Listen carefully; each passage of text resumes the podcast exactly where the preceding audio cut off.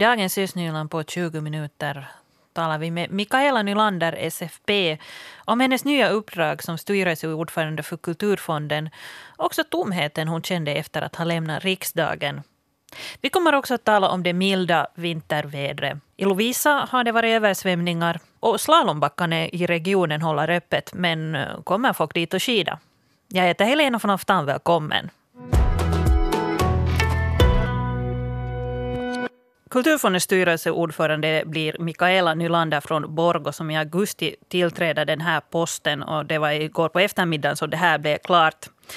Nylander känner du förstås som ordförande för stadsfullmäktige i Borgå. Hon representerar Svenska folkpartiet. God morgon på dig. God morgon. Du ser riktigt pigg ut. Eh, var det, var det skönt att få gå ut med den här nyheten? Det var skönt, ja. Och framförallt när jag ser fram emot det här uppdraget. Det är ju ett uppdrag som jag tycker att är jättespännande. Om man tänker vad jag sysslar med i riksdagen under 16 års tid så jag har suttit i kulturutskottet som har då främst utbildning men också kultur på sin agenda. Så att det här är som hand i handsken uppdrag för mig. Mm. Eh, vi pratade lite om det här att, att, eh, det här att vara Kulturfondens styrelseordförande. Det är ju då inte ett heltidsjobb. Eh, elva möten per år, men sen är det all möjlig annan eh, representation också. Eh, det andra som du har på gång nu efter att du föll ur riksdagen i fjol våras är ju att du studerar ska bli färdig både från Hanken och Åbo Akademi på hösten. Tror du att du blir färdig med allting? Ja, det hoppas jag. Eh, det beror lite på nu med vissa tentor. Det kom ganska många tentor, framförallt inom juridikens område, för där hade den här examen liksom ändrats så mycket. Men att det här är min sån här tidtabell som jag eftersträvar åtminstone. Att jag studerar nu på heltid, att efter det här får jag till Hanken och går på statistikkurs och så vidare. Mm. Så att, och där har jag inte många kurser kvar, att några och sen är det gradun. Mm. Men hur mycket tid tror du du kan använda på det här uppdraget som, som styrelseordförande för Kulturfonden? No, det är svårt att säga vad det krävs. Jag vet då att det är de här elva styrelsemötena, men sen vet jag från tidigare uppdrag att det handlar inte enbart om de här styrelsemötena, utan det är jättemycket som ska gås igenom där mellan mötena. Att framförallt mellan styrelseordförande och VD, till exempel i det här fallet, så är det mycket som ska planeras och stora riktlinjer som ska dras upp och diskuteras och så där. Så jag antar att det nog uh, kommer att kräva en hel del tid. Det tror jag nog. Mm. Men på hösten är det, jag tillträder ju första augusti och, och då räknar jag med att ha studierna på på, på bättre väg och så vidare. så att jag hoppas att jag har den där tiden riktigt ordentligt för det här uppdraget. Då. Mm. Eh, man fick ju då igår veta om eh, det här att du ska, du ska bli den här styrelseordförande. Det kom en del kommentarer på den här artikeln. Eh, bland annat var det en person som tyckte att, att, ja, att man inte ska lägga pengar till konstnärs och författarstipendier och hembygdsmuseer utan ge åtminstone en del av de här pengarna som Kulturfonden då delar ut till att upprätthålla svenska dagisar och seniorhem. Hur ser du på det här? Det är klart att den här Eh, kulturfonden fattar beslut om hur man ska dela ut sina pengar och, och vad är de här tyngdpunktsområdena så måste vi följa vår stadga, det vill säga det Kulturfonden har grundats för i tiderna. Och det är för att stödja eh, svensk utbildning och kultur. Och den här utbildningsbiten har kanske lite fallit i skymundan. Men om man tittar på, på de dokument som då skrevs eh, när Kulturfonden grundades så, så, så, var utbildningen ganska mycket i fokus. Och nu har man ju lite gått tillbaka till det här i och med att man stöder både kultur och utbildning. Så att vi kan nog inte, hur, hur, hur gärna vi än skulle stödja allt möjligt gott i Svenskfinland så kan vi inte göra det för att vi är bundna till, till, till våra stadgar förstås. Mm. Och det förstod jag att, uh, vi är förstås i Östnyland nu glada att, att en, en Borgåbo uh, fick det här uppdraget. Uh, men jag förstår att du får inte favorisera Östnyland och Borgå i det här. Nej, och, och, det finns ju sådana regionala kommittéer som går igenom de här ansökningarna och så vidare. Ett styrelseordförande så, så går nog inte igenom utan det är de här stora riktlinjerna och strategin som, som, som då är styrelseordförandes uppdrag.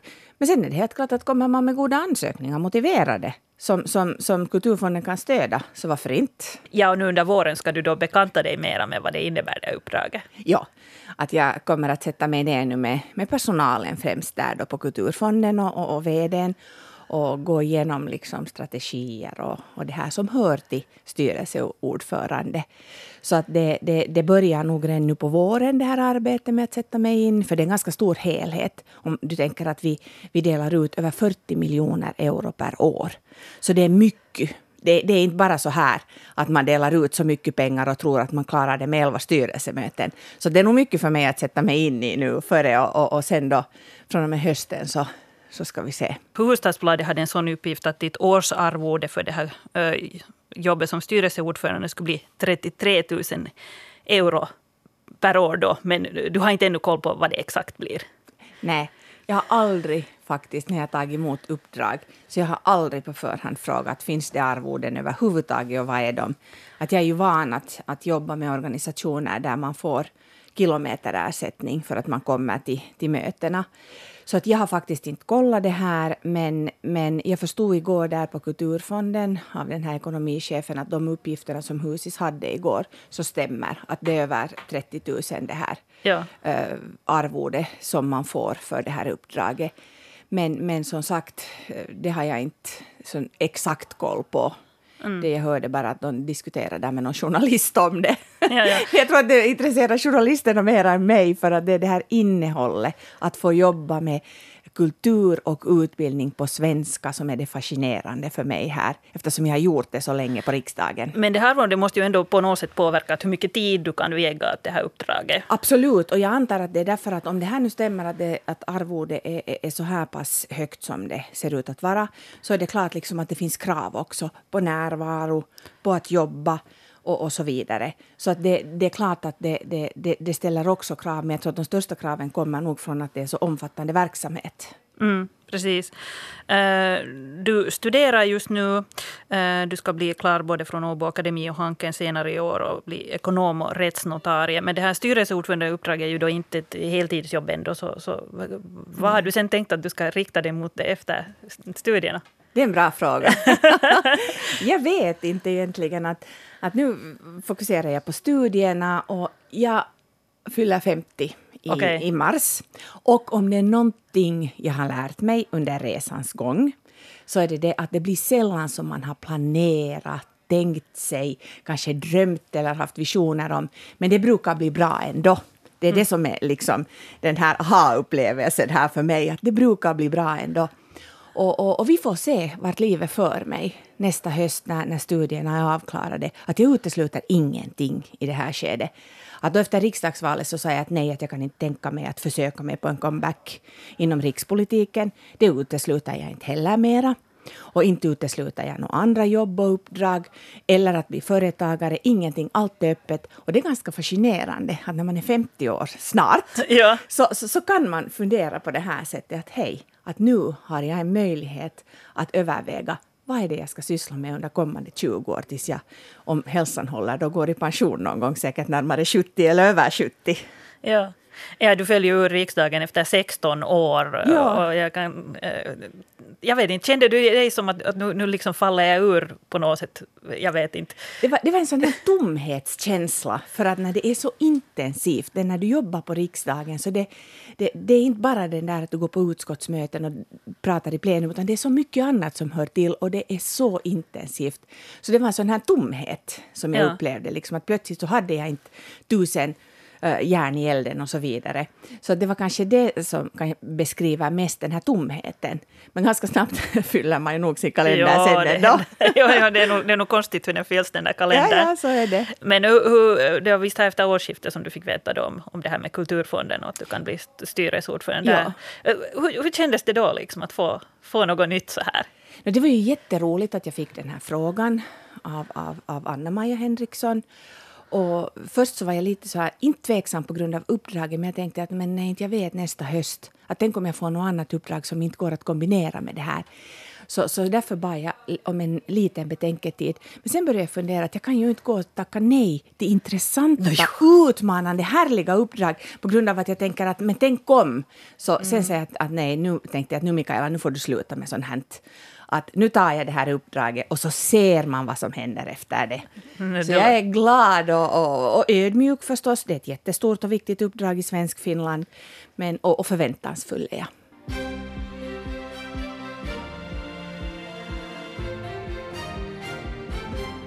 Nu nyheterna från regionen Östnyland när klockan är halv nio. Jag heter Stefan Härus. God morgon. Bostadshandeln var betydligt livligare i Östnyland under föregående år än under 2018. Det här gäller i synnerhet fastigheter med priser över 200 000 euro, skriver tidningen Osima. 2018 var de större affärerna 170 medan de förra året var uppe i 233. Också sålda strandfastigheter såldes i ett större antal i fjol än året innan, många av dem i Vålax i Borgo. Två stora operatörer inom taxitrafiken i Borgå har blivit en. Det här i och med att Stefan Forsberg AB har köpt upp Gustafssons Taxi. Tidningen Itä skriver att det nya bolaget har totalt 20-talet bilar till sitt förfogande. Taxibolaget opererar i hela Östnyland och också på Pellinge eftersom också bolaget Pellinge Taxi är en del av det nya bolaget. Slalombackarna i regionen har haft större, eller färre besökare i år än vanligt. Det är det milda vintervädret som sätter käppar i hjulet för skidföretagarna. På slalomcentret i Kokon i Borgo brukar man ha mellan sex och åtta skidskolegrupper på sportlovet och i år har man inte fått ihop en enda. På Talmaski i Sibbo inledde man säsongen tidigare i år än vanligt men man har varit beroende av snökanoner. Enligt företagarna i Kokon och Talmo verkar det som om många inte känner till att skidcentren har snö trots att det i övrigt har varit en snöfattig vinter. Och vi kan berätta att två personer har sökt tjänsten som ledande läkare i Lovisa. Ansökningstiden gick ut igår. Enligt Carita Skröder, direktör för Grundtrygghetscentralen, har man redan hunnit boka in intervjuer med de två sökande. Den ena är från Lovisa, den andra är utom Socknäs. Vem som slutligen väljs bestäms av stadsstyrelsen.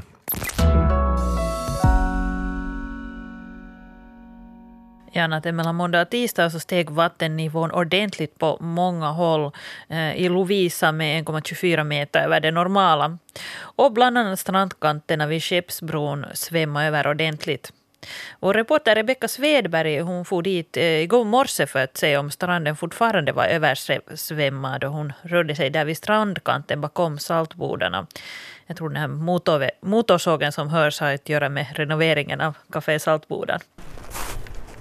Här har i natt, alltså natten mellan måndag till tisdag, vattnet stigit väldigt mycket. Just nu, alltså här då tisdag morgon, här är klockan, vad blir det, den tio tiden, så har vattnet nog redan sjunkit och det är bara små spår kvar av att vattnet har stigit högt. Här på strandkanten så finns till exempel så här bänkar före den här vallen här till, till den här egentliga gångvägen.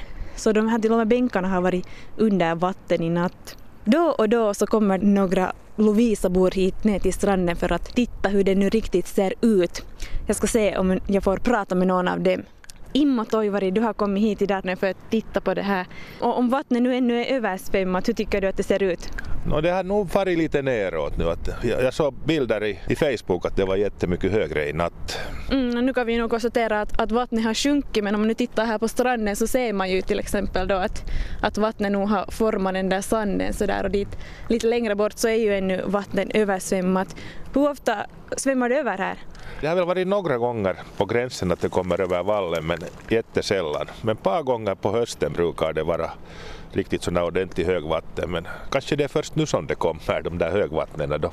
Tycker du att det här är ett problem? Nej, jag tror att det är mera problem dit som översvämmar, dit de där åarna dit som kommer in till byggnader. Lovisa har nu inte har vi bara det här strand, strandvägsområdet och därför har de ju byggt vallen som har varit liksom det där värsta problemet. Ralf Lindén, varför har du tagit dig hit? No, det var en nyfikenhet. Nu bara jag tänkte att det skulle vara några översvämningar men här tycks inte vara något, något värre åtminstone. Hur tycker du att det ser ut? Ser man något spår av att det har varit öppet? No, nu ser man ju små sandvalkar där vid stranden men annars är det helt naturligt så som det brukar vara på februari, eller inte nu helt som februari när det är öppet vatten. Men snabbt har det sjunkit det vattnet. Hur vanligt är det att det svämmar över här?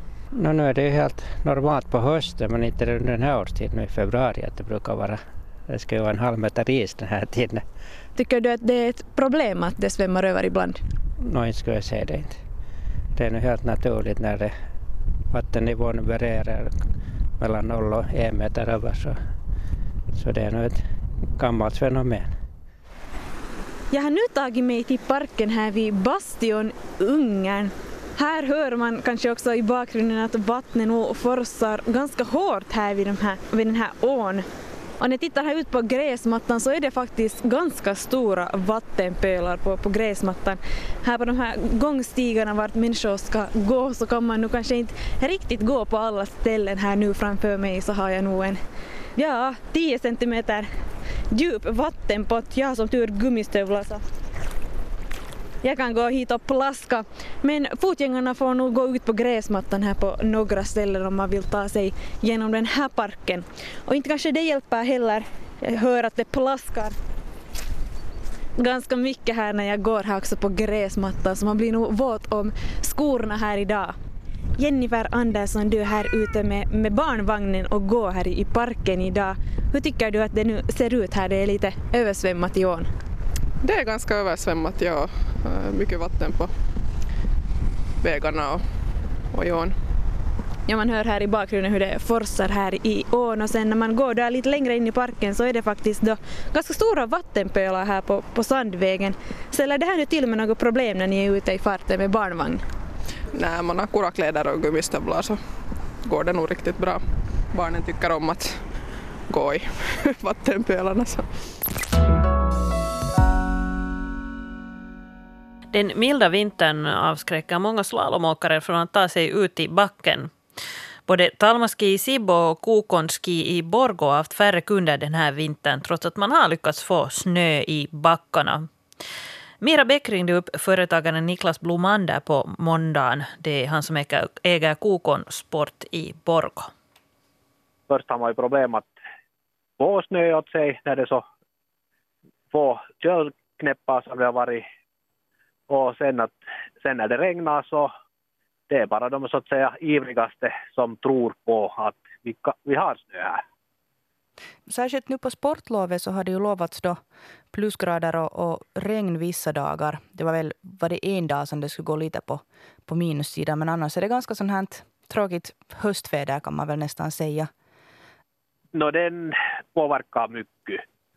Så att vi borde, normalt så har vi ju över en sex, åtta grupp, skidskolegrupper här på sportlovet och nu har vi inte fått ihop till en enda. Så det är att, att det brukar vara en 70-80 barn bara här på kurser och man tänker att nu är inte inte ett enda barn. Så det påverkar mycket. Och idag till exempel nu när det har regnat hela förra natten och kommer lite regnskurar ner då och då så inte kommer det. Här är kanske en 15 15-20 ungdomar för tillfället som har vågat ut sig i, i regnskurarna. Hur många tror du att det skulle kunna vara om det skulle vara en sån här vanlig kallare vinter? No, ska vi säga att en normal, normal så att säga vinter, eller så att det, att det är vinteraktigt ute, så skulle vi nog ha på de här dagarna en 300-400 kunder åkare här.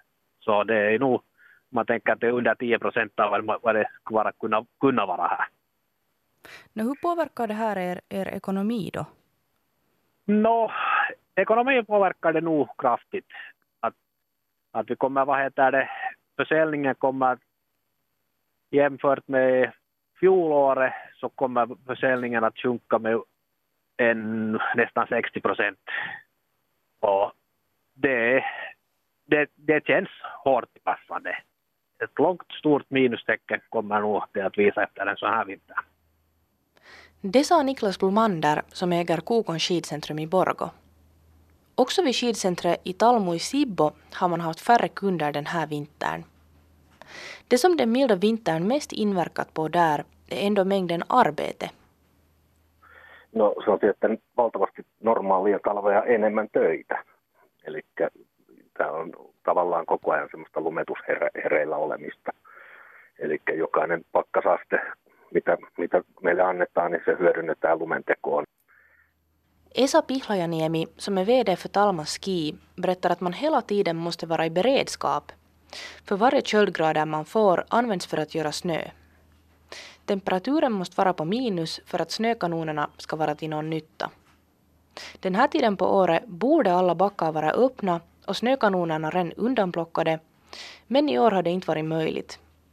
Både i Talmo och i Kokon har man vita backar tack vare snökanoner. Både Pihlajaniemi och Blomander har märkt att antalet besökare beror mycket på vädret och på om det är en snörik vinter eller inte. Man skulle ju kunna tro att en annars snöfattig vinter skulle locka skidåkare till de få ställen som har snö, men det verkar inte så. Enligt Pihlajaniemi skulle det vara viktigt att folk skulle veta att det nog finns snö på skidcentren. Vaikka sitä lunta ei siellä luonnossa ja ympäristössä ole ja lumelle mieli kaipaa, niin hiihtokeskuksista on varmasti. Östnyland på 20 minuter, en svenska Yle-podcast. Jag heter Helena von Aftan.